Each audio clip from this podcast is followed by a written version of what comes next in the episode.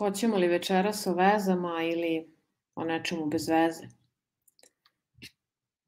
Hajde da razmislimo za koga smo, za šta smo, šta nam je potrebno, a šta nam nije potrebno.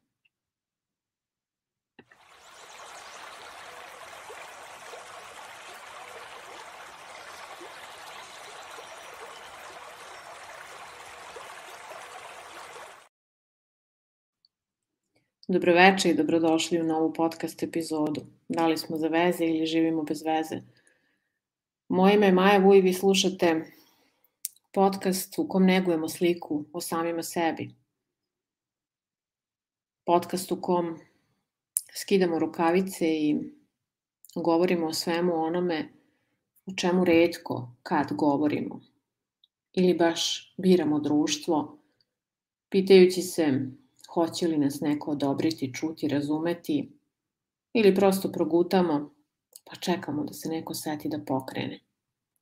Ja vas večeras pozdravljam iz Novog Sada i s obzirom da vam se nisam javljala neko vreme, nemojte mi zameriti, malo mi je teže da govorim, imala sam neke intervencije i ipak ovog puta, ove večeri sam želela da vam se obratim lično i uživo, i da vam kažem da nisam zaboravila na vas.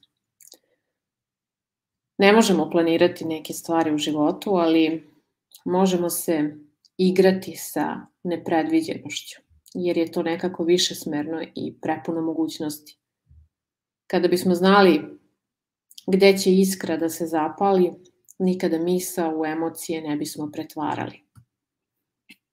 Ono što mene zanima i što bih voljela da vas pitam jeste Da li ste u vezi ili živite bez veze? Hajde da počnemo sa jednom malom pričom. Postoji jedan brend odeće koji je jako popularan i kod žena, baby boomer žena je iznenada pokušao da se onako ponovo pozicionira i da podstakne mršavost i da probudi one mlađe kupce među ženama da ih negde nagna, da tako kažem, da sumanuto troše novac i da se pre svega opredele da postanu još privlačnije. O čemu se radi? Pa, izabrana je jedna grupa kupaca koja se na neki način osjećala izdano i imala je utisak kao da je bačena, ta cela grupa kao da je bačena u stranu zbog nekoga ko je mnogo privlačniji. Tu postoje recimo kupci koji su imali veoma jak odnos sa tim brendom i ovaj odnos mogu da uh, uporedim sa brakom. I naravno kompanija nije uspela da neguje odnos koji je ucresređen na um, neke nove ciljne kupce i morala je za početak da razume kakav odnos kupac ima sa tim brendom. Znam da vam možda ne zvuči ovo logično, ali verujte mi da je vrlo povezano sa vezama i sa brakovima. Nastavite da me slušate. Novi sistem ne bi smeo da prikuplja samo recimo ekonomske podatke i iz tog razloga morao bi da prikuplja i podatke o odnosima i svaki tip odnosa sa kupcima je regulisan nekim pravilima koje su naravno zasnovane na očekivanjima kupaca. I, na primer, evo jedan, kupac kompanije satova uvek želi da eksperimentiše sa nekim novim modelima. Ovde on ili ona želi da eksperimentiše sa novim identitetima i da očekuje da kompanija naravno pruži neko uzbuđenje i da podgreje strast, da tako kažemo, tokom svake interakcije. O čemu se radi? Ova vrsta veze možemo da je zovemo fling, vrlo popularno, zato što potrošači očekuju novost, uzbuđenje, neozbiljnost i naravno oblik igre identiteta. E sad, ako brend ispuni sva ta očekivanja, kupci će naravno odgovoriti tako što će postati strastveni prema njemu i brend će na neko vreme postati ona fokusna centralna tačka u njihovim životima. Sad, Maloprodajni kupac očekuje da bude unapred obavešten u slučaju bilo kakve promene cene ili promene poslovanja i u zamenu on ili ona obezbeđuje lojalnost toj firmi, odnosno kompaniji. postaje sve zanimljivije. Ova vrsta veze može da se nazove mi smo najbolji prijatelji. E sad, kompanije koje imaju najbolje prijatelje, imaju te najbolje prijateljske odnose, mogle bi da izvuku lekciju kao recimo deo strategije. Zašto? Zato što neke kompanije donose kroz recimo 20-godišnji rad unazad um, jako mnogo um, zarade i ta zarada, ako govorimo u brojkama, prelazi neke ludačke cifre i svojim zaposlenima kroz posvećenu komunikaciju, recimo, omogućava neke povlastice, kao učlanjenje u neke klubove, um, gde oni provode u proseku recimo 280 dana godišnje na putu sa kupcima kako bi razvijali neku novu vrstu intimnosti koja bi mogla da učvrsti status te kompanije kao još boljeg prijatelja od tog najboljeg prijatelja. Shvatili ste poentu? Tako možemo da vidimo da je u stvari tradicionalan način marketinga zasnovan samo na podacima ili na fokusiranju na povraćaj ulaganja, ali on ne funkcioniše uvek. Danas živimo u svetu kada je korišćenje interneta i društvenih medija postalo pa možemo reći jedini način komunikacije i funkcionisanja. Danas su svi na telefonima, danas su svi na socijalnim mrežama, danas su svi na mreži. I ako pogledamo ovu pametnu a, novu aplikaciju, veštačku inteligenciju, shvatit ćemo da će malo ko u stvari biti u vezi i da će svi možda živeti bez veze. Dakle, jedini način za zadržavanje kupaca u ovoj moje priči, odnosno vašoj koju sam podelila sada sa vama, je da se duboko uroni u taj odnos kupac-brand, da možemo da razumemo očekivanja kupaca i da mu isporučimo tačno ono što on ili ona želi. U tom smislu, kada govorimo na taj način, shvatamo da partnerski odnosi na neki način mogu da se definišu i kroz ovakav primer. Zašto? Pa partnerski odnosi su nešto što svaka osoba želi da ima u svom životu, ali istovremeno su i nešto što može biti izuzetno kompleksno i izazovno. I naši partnerski odnosi su životni pokazatelji naše emocionalne sigurnosti, stava prema samima sebi i sposobnosti da komuniciramo i da rešavamo probleme.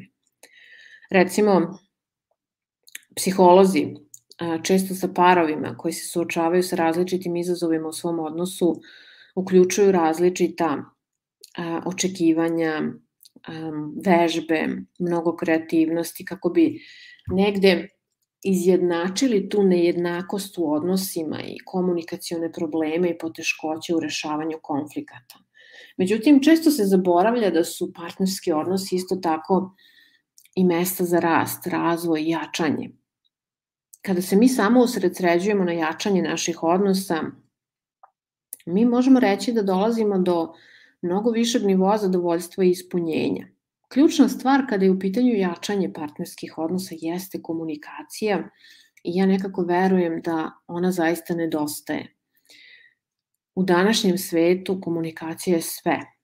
Ako smo mi otvoreni i iskreni u komunikaciji sa našim partnerom, mi ćemo biti u stanju da prevaziđemo izazove i da jačamo naš odnos. I takođe važno je da radimo na razumevanju naših potreba i želja, takođe i razumevanju i potreba i želja svog partnera, kao i na tome da pružamo podršku jedno drugom.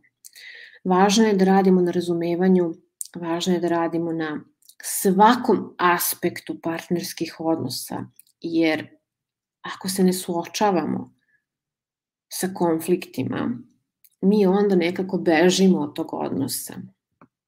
A kako rešavamo? To može značajno da utiče i na jačinu našeg odnosa i kada se, da tako kažem, suočavamo sa konfliktima, važno je da koristimo empatičku komunikaciju i da radimo zajednički na rešavanju problema. Jer ponekad je jako teško da na neki način dopremo do druge strane, da, da razumemo tu drugu stranu, da, da osetimo šta joj je potrebno. I onda nekako pribegavamo begu, pribegavamo toj nekoj strategiji da smo mi jedinka sama za sebe koja najbolje zna šta je njoj potrebno, a to ne izražavamo, ne prenosimo našem partneru.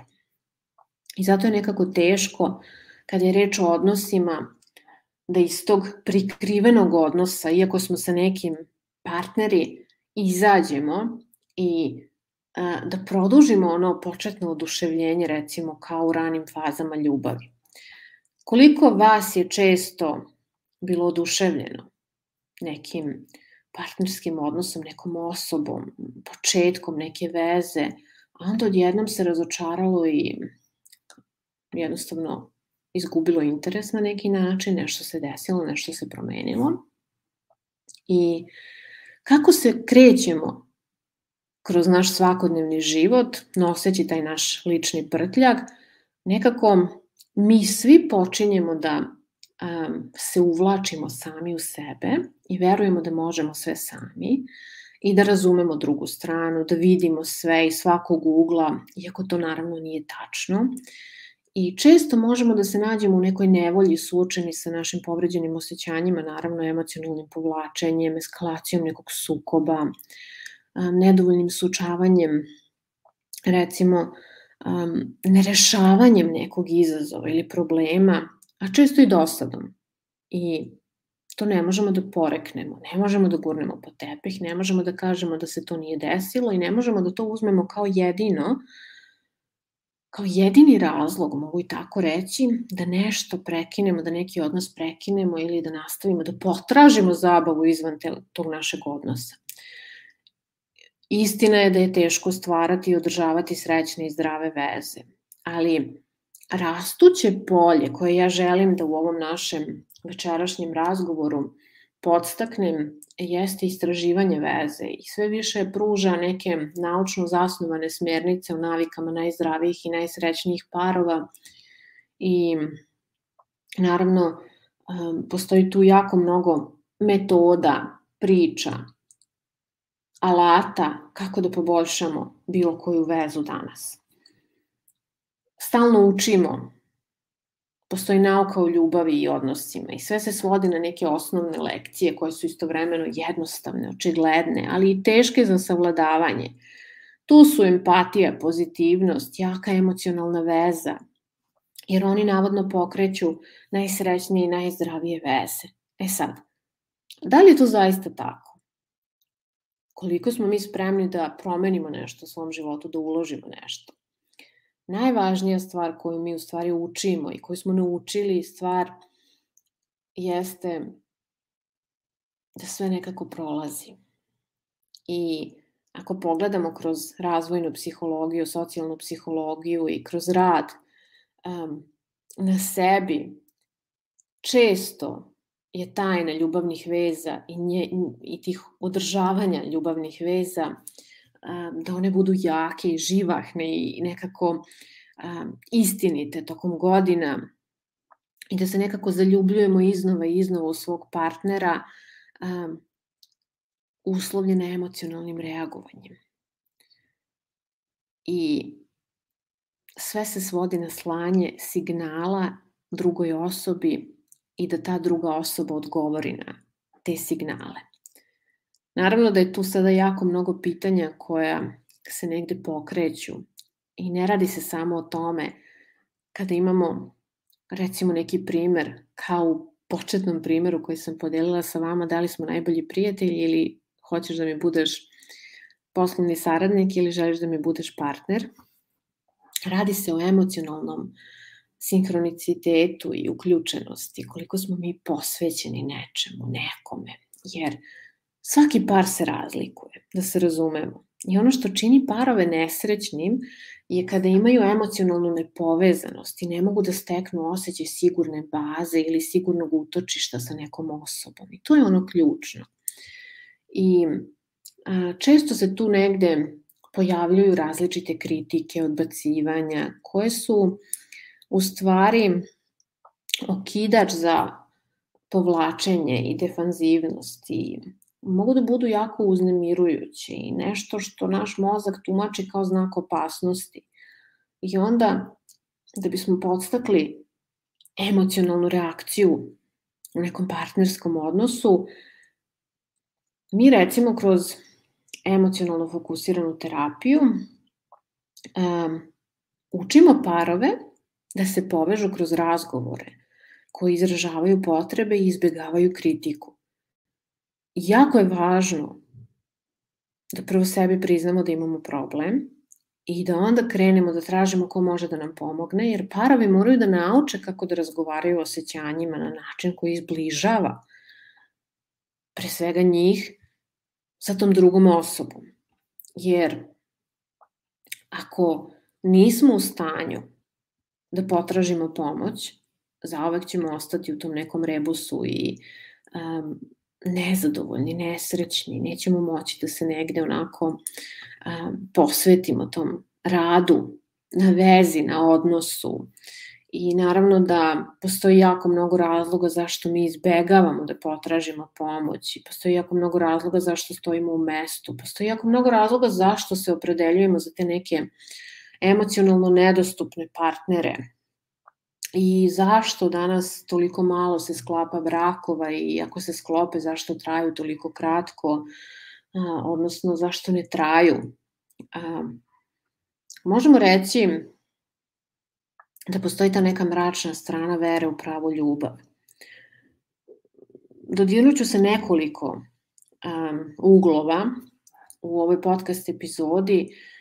Vi slobodno postavljajte pitanja slobodno se uključite ukoliko želite, podelite svoje iskustvo, budite otvoreni, nemojte se ustručavati. Jedva čekam da čujem vaše komentare, da pročitam vaše komentare i da se razmenimo na ovaj način. Pitaću vas evo, da li vam se nekad dogodilo da prijateljima objašnjavate probleme koje imate sa partnerom, a da oni smatraju da nema potrebe da se brinete? A nikada vam nije palo recimo na pamet da potražite pomoć terapeuta, psihologa. Ili je možda neko od vaših prijatelja započeo neku romantičnu vezu sa osobom za koju mislite da mu uopšte ne odgovara i vi to vidite, ali njihova veza ipak nekako postaje sam, sve osim disfunkcionalne, postaje snažnije sve do jednog momenta dok iznenada ne pukne. Psiholozi su napravili dve skale faktora koji utiču na to kako započinjemo i održavamo veze. I evo ja ću sada da podelim da na jednoj skali u stvari se meri koliko značaja polažemo na prvi utisak i na rane pokazatelje kompatibilnosti. Dok na toj drugoj skali a, merimo u stvari verovatnoću da izađemo na kraj sa problemima u vezi. Koliko smo otporni. I a, to su u stvari Naziva implicitnim teorijama veza i svako od nas može intuitivno, možda, ja verujem da može, ali eto, reći ćemo možda, da doživi sebe kao osobu koja manje ili više veruje u pravu ljubav. Ali to nije nešto o čemu otvoreno mi razgovaramo jedni sa drugima ili čega smo čak svesni kada ulazimo u neku novu vezu. Zato nam ove dve skale na psihološkom savjetovanju u stvari zajedno pokazuju da li je verovatno da izbegavamo da sa svojim partnerom razgovaramo o problemima, da tražimo mane u svemu i tamo gde ih nema naravno i da iz veze, odnosa, avanture, kako god želite da to zovete danas, um, izađemo onako uz ono ghostovanje. Znači, izbegavam te i ne želim da odgovorim, ne želim da budem tu, ne želim da budem prisuta, ne želim da ti dam povratnu informaciju, prosto ću da te ne stavim na ignor i da povredim tebe, tvoje biće i tvoje emocije. Razlike u ovim implicitnim pristupima takođe mogu da nam pomognu da shvatimo zbog čega nam ti recimo tuđi romantični izbori često deluju neobjašnjivo. Um, ja nekako kroz rad sa klijentima um, iako sam dugo izbegavala da radim na tim partnerskim odnosima i na vezama, verujući da prosto mi je, s obzirom da je moja prvobitna polazna tačka, biznis, poslovna strategija iz psihološkog ugla, ja sam verovala nekako da, da treba da se fokusiram na nju. Međutim, kako godine prolaze, sve više shvatam da u stvari um, imam nevjerovatan osjećaj za, za takve odnose, za prepoznavanje tog neizgovorenog, za partnersku terapiju, za, za to nešto što ljudi često pokušavaju da gurnu po tepih, da reše za kafanskim stolom ili sa svojim prijateljima uz kafu, a ne rešava se tako. I onda često umem da prepoznam i um, nemam pravo da nikome prokomentarišem i da kažem, znaš, razmisli da li je ta osoba za tebe ili ne. Iako pomislim i vidim, nekako vremenom svedočim da je ta moja pomisao, odnosno osjećaj, odnosno intuicija bila ispravna i da se negde pokazalo da, da sam bila u pravu, da me nije prešla. Iz tog razloga imam potrebu i želim da više govorimo o tome. I Evo, volila bih da, da vas pitam da li ste u vezi ili živite bez veze i jurcate li onako, srljate li za svojom srodnom dušom, pa možete da odgovorite na neka od pitanja koja ću sada da vam nabrojim sa ove dve skale i ocenite ih na skali od 1 do 7, sa tim da 1 označava da se uopšte ne slažete sa tim, a sedam da se u potpunosti slažete sa tim. Možemo da krenemo. Uzmite papir i olovku, evo daću vam minut, dva, da se pripremite kako biste mogli da beležite um, odgovore. Beležite samo ocenu koju dajete na svako moje pitanje i odnosno na tezu koju budem delila sa vama. Ne morate da pišete svaku tezu, svakako će vam ostati ova epizoda dostupna, otključena i možete da se vraćate kad god vam je potrebno. Tako da imate jedan minut da uzmete papir i olovku, pa se vraćam da nastavimo ovu priču.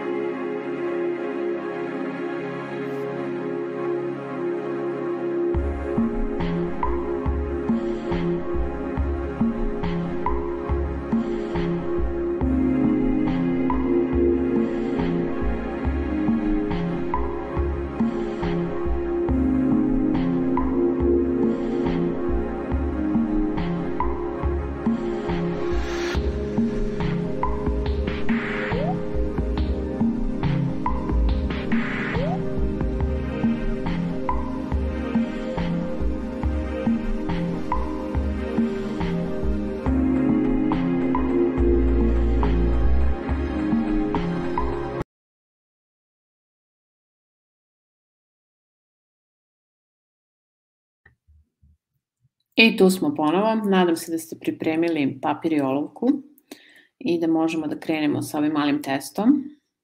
Dakle, da ponovimo. Na svaku izjavu koju budem podelila sa vama dajete ocenu sebi 1, od 1 do 7. 1 je znači u potpunosti se ne slažete sa tim, dok je 7 u potpunosti se slažete sa tim. Dovoljno je samo da pišete brojeve. Krećemo. Uspeh u romantičnoj vezi uglavnom se zasniva na tome da li su ljudi pravi jedno za drugo.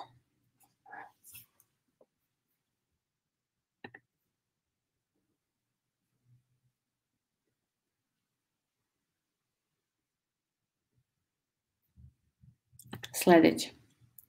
Negde postoji osoba koja je savršena ili skoro savršena za mene.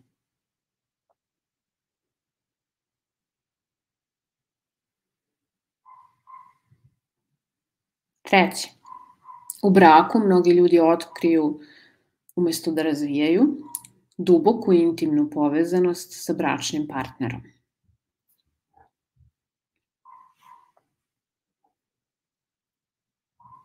Ovde se čuje neka kuca, nadam se da vam ne smeta, s obzirom da ja nisam u svom u svojoj radnoj sobi, u svom radnom kabinetu psihološkom, nego sam u Novom Sadu i evo pozdravljam vas ovim putem ne zamerite na sporedne zvukove, prosto ne mogu da isključim komšiluk i svet oko sebe. Idemo na četvrtu izjavu. Izuzetno je važno da moj bračni partner i ja budemo strastveno zaljubljeni jedno u drugo nakon što se venčamo.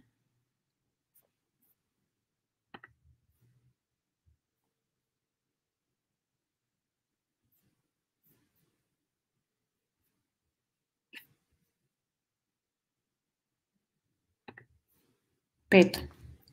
Ne bih mogao ili mogla da se venčam sa nekim ako nisam strastveno zaljubljen, zaljubljena u tu osobu. Dakle, za vas koji ste se tek sada uključili, da ponovim, ocenjujete svoje odgovore od 1 do 7 tako što zapisujete broj, jedinica je ne slažem se, sedmica je u potpunosti se slažem.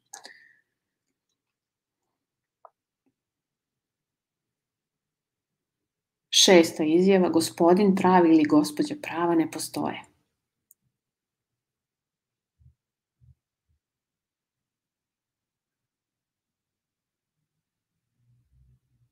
Sedmi. Očekujem da moj budući suprug ili supruga bude najsjajnija osoba koju sam upoznao ili upoznala.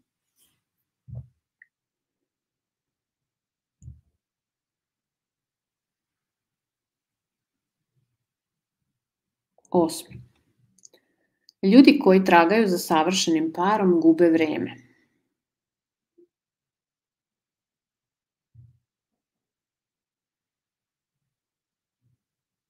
Deveta izjava. Većina brakova propada zbog toga što ljudi nisu pravi jedno za drugo. I deseta izjava. Povezanost među ljudima obično postoji pre nego što se oni poznaju. Ok, ajmo ljudi podvucimo crtu, da vidimo gde smo. Da biste izračunali vaš rezultat, odnosno da biste dobili, potrebno je da saberete odgovore na sva pitanja i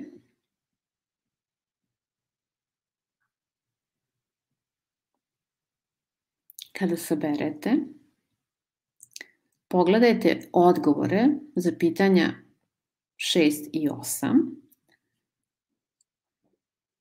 Saberite ta dva i oduzmite od ovoga što ste sabrali prvo. I kada dobijete odgovor, napišite mi u komentar ili ostavite za sebe, a ja ću da vam kažem u stvari na skali rada na nekoj vezi ili ako ste u nečemu što je skroz bez veze, šta ste dobili i kako u stvari to možete da definišete i zašto je to tako. Evo daću vam jedan minut da saberete sve to i da oduzmete.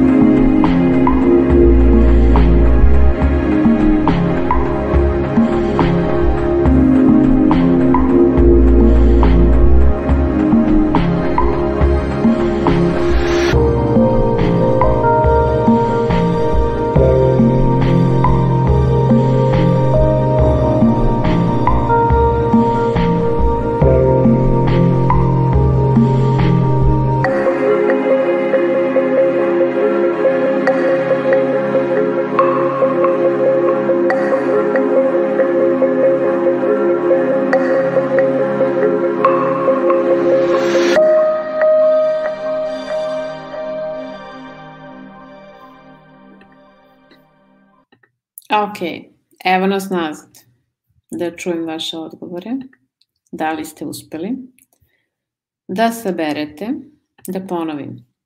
Sabrali ste sve svoje odgovore, a onda ste odgovor 6 i 8 sabrali, pa oduzeli od ovih prvobitnih koje ste sabrali i broj koji ste dobili je vaš broj. O čemu se radi? Otkrićemo na našoj skali. Hajde da vidim. Ima li nekih odgovora?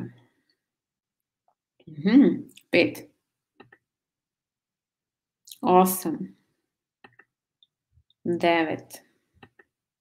Dva. Pet. Dva. Mhm. Dva. Pet. Ok, zanimljivo. Hajde da vidimo šta znače ti odgovori.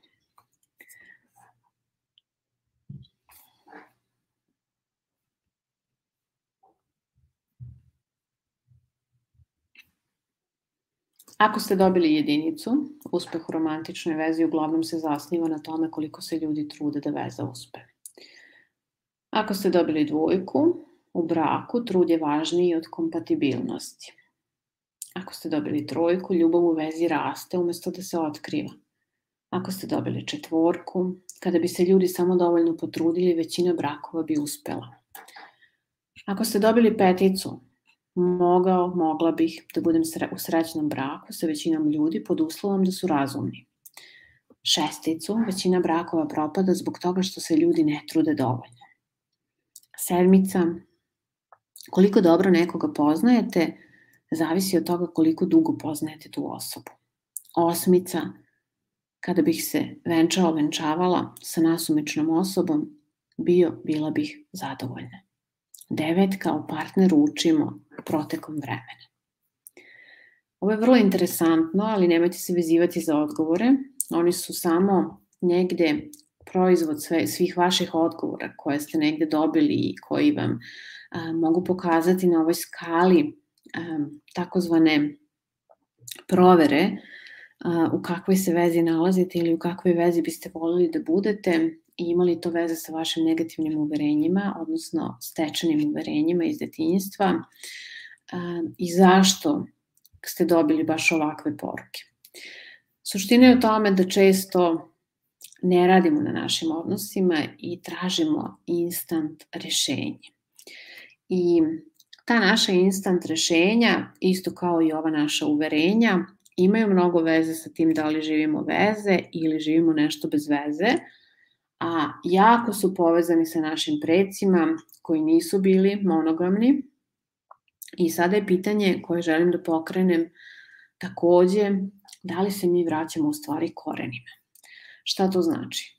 Pa mi vezu često doživljavamo kao ekskluzivno razumevanje dvoje ljudi i ta norma se sve više nalazi pod lupom i ja verujem da mi negde na savetovanju, na seansama možemo u stvari da jako mnogo toga otkrijemo, pre svega kako ljudi funkcionišu danas u ovom vremenu i um, da po tom lupom u stvari ljudi pronalaze druge načine za redefinisanje romantične ljubavi.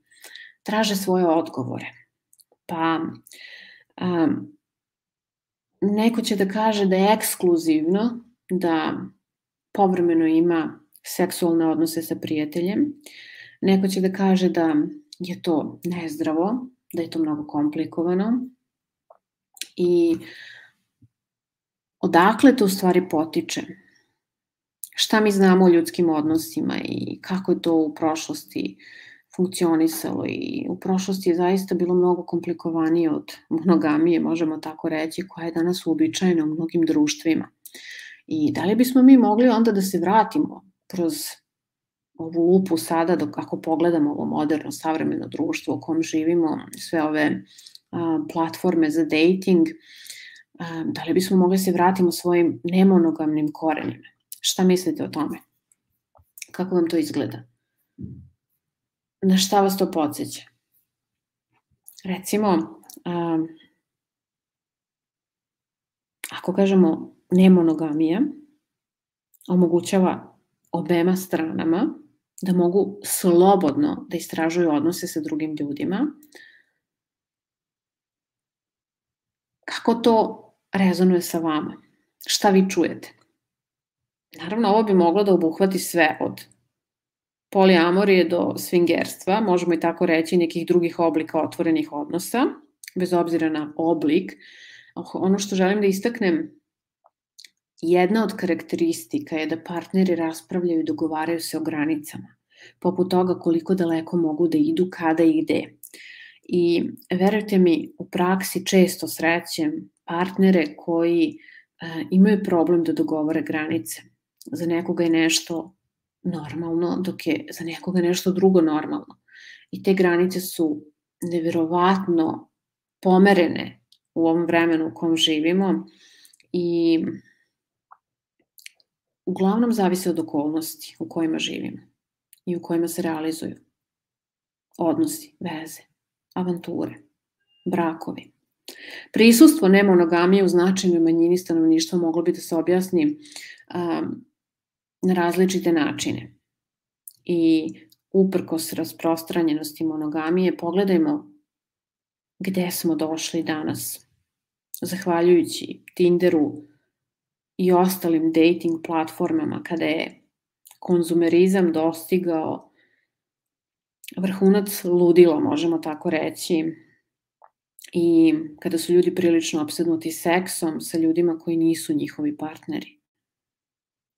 Ako sa psihološke strane pogledamo, meni kao stručnjaku prvo bi palo na pamet reci mi šta želiš, da pitam klijenta, ili da pitam par koji je došao na seansu, recite mi šta želite. I ako bi bili otvoreni da zaista verbalizuju i kažu šta žele, možda bismo otkrili da je imati trojku najpopularnija fantazija danas izvesno, ali šta je onda trojka ako ne isporazumna nemonogamija? Da li me pratite, da li razumete o čemu govorim? Došli smo do toga da zaista svesno biramo da živimo bez veze umesto u vezi i da svesno biramo da često menjamo partnere, ne pitajući se ko su ti partneri, zašto biramo baš takve partnere, šta nas to podstiče da kontaktiramo nepoznate ljude preko različitih dating aplikacija i zašto ne tražimo pomoć kada nam je potrebno. Često procenjujemo i precenjujemo neke ljude, osvrćemo se na neke gluposti,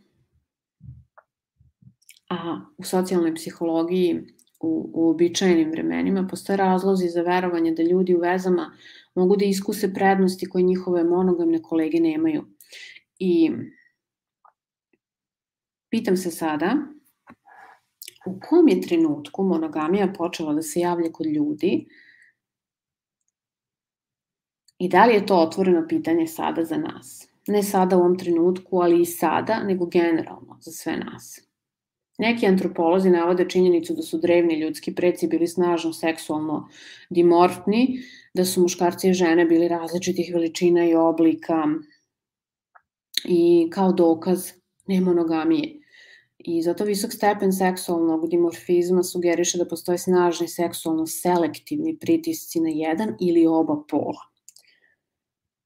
Šta to znači? Pa kod nekih vrsta, recimo poput gorila, veći mužjaci imaju veće šanse da budu seksualno uspešni koristeći veličinu da bi se borili protiv konkurencije drugih mužjaka. Ovo može da se primeni i na um, ljude. Dominantni mužjak planinske gorile monopolizovaće 70% svih populacija, na primjer stvarajući poliginozno društvo, ono u kome se mnoge ženke pare sa jednim mužjakom i ako pogledamo seksualni dimorfizam, ne funkcioniše uvek na taj način. E sad, vrste koje se koriste razmetljivim prikazima kondicije poput ptica sa prelepim perjanicama, one šareno perije, jarkih boja, um, papagaji, neke rajske ptice, one se takmiče za pažnju partnera umesto da se fizički bore protiv konkurencije. Kako vam to zvuči? Poznato vam je, preslikajte to na svoju okolinu. Sve ovo što vam pričam, molim vas, preslikajte na svoju okolinu. Možda se iznenadite ako prepoznate i sebe negde u ovoj priči. Ova je razlika i u svemu ovome je razlika u tome što to često nisu društvene vrste za razliku od ljudi, pa jedan mužijak ili ženka ne bi nužno mogli da kontrolišu sve potencijalne partnere u jednom području. E sad, drevni ljudski fosilni zapisi su vrlo neujednačeni ono što sam ja negdje istraživala, e, slična logika se koristi i da bi se tvrdilo upravo suprotno, da su naši drevni rođaci imali sličan nivo dimorfizma kao mi. E, to može da se opravda negdje gledanjem različitih fosila, zato se monogamija možda mogla dogoditi mnogo ranije. E sad, raznolikost ili nedostatak ljudskog Y hromozoma takođe je korišćena da bi se sugerisalo da su ljudi bili poligini do relativno nedavno i ponovo mogu da istaknem da su antropolozi osporili te dokaze, ali neki sugerišu da postoji neka sličnost u muškim genetskim podacima i sugeriše da se samo nekoliko muškaraca u stvari parilo u našoj evolucionoj prošlosti. Pa sad ljudi da vas pitam, ako ste zbunjeni celom ovom pričom i ništa vam nije jasno, gde ste vi danas? Da li ste u vezi ili ste u nečemu što je bez veze? Da li menjate partnere nasumično, prosto eto da probate da vidite kako je sa nekim drugim, da li ste dosledni, da li ste predani svojim fantazijama, da li ste zainteresovani za grupni seks, da li ste um, u trendu, da li pratite neke trendove koje vidite, ne znam, na socijalnim mrežama, na, u svetu oko sebe poput recimo socijalnog seksa, koji je danas jako popularan i koji podstiče interesovanje za odlaskom na seks zabave ili u swingerske klubove, gde 70% muškaraca u poređenju sa 7% žena je prisutno. Pa se sad zapitajte, a zašto se ovaj svet okrenuo na opačke i zašto je tako teško da ostvarimo veze i zašto živimo bez veze i zašto toliko bežimo iz odnosa i bežimo od, od odgovornosti, ne tražimo ne tražimo pomoć kada nam je potrebna.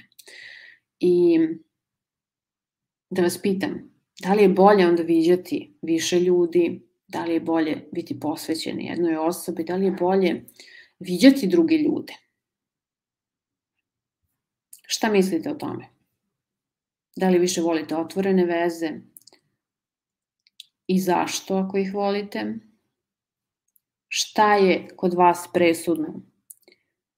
emocionalno zadovoljstvo, osjećaj sigurnosti, pažnje, bliskosti, što naravno ima tendenciju porastu u nekim normalnim vezama tokom vremena, ili vas više pali spontanost, uzbuđenje, što je opet povezano sa erotizmom.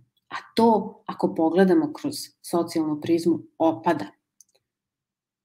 Budimo realni, vratit ću se na početak naše epizode. Početak, svaki početak je uvek seksi i strastven, ali onda postane vrlo predvidljiv. Zato što odbijamo da radimo na nečemu i guramo po tepih. Ovo je tema o kojoj bismo mogli da govorimo jako dugo, ali zaokružit ću je koronavirusom i svim ovim što nam se desilo, jer je upravo pandemija izvršila dramatičan utjecaj na to kako ljudi u stvari i zašto koriste dating aplikaciju, na primer Tinder ili neke druge, i um, šta se to promenilo u ovim vezama ili u tome što živimo nešto bez veze.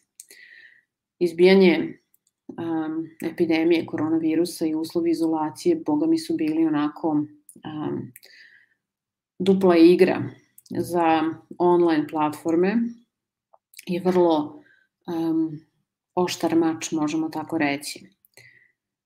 Sa jedne strane, angažovanje korisnika je bilo u porastu, što je naravno trend koji su prijavile i druge aplikacije, ali neko istraživanje je pokazalo, prikazalo Tinder rezultate, odnosno statistiku, a korisnici su načinili 3 milijarde svajpova širom sveta za jako kratak period, što je najviše što je ova aplikacija ikada zabeležila u jednom danu i došlo je do neverovatne promene u tim metrikama ponašanja, a, koje su inače uvek bile stabilne.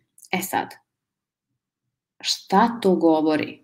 Da je došlo do ekonomskih posledica izolacije i to nam govori da ljudi imaju manje novca za trošenje i govori nam da um, dating aplikacije koje su besplatne recimo i oslanjaju se na neke male pretplate recimo za premium naloge um, ne mogu da opstanu na taj način i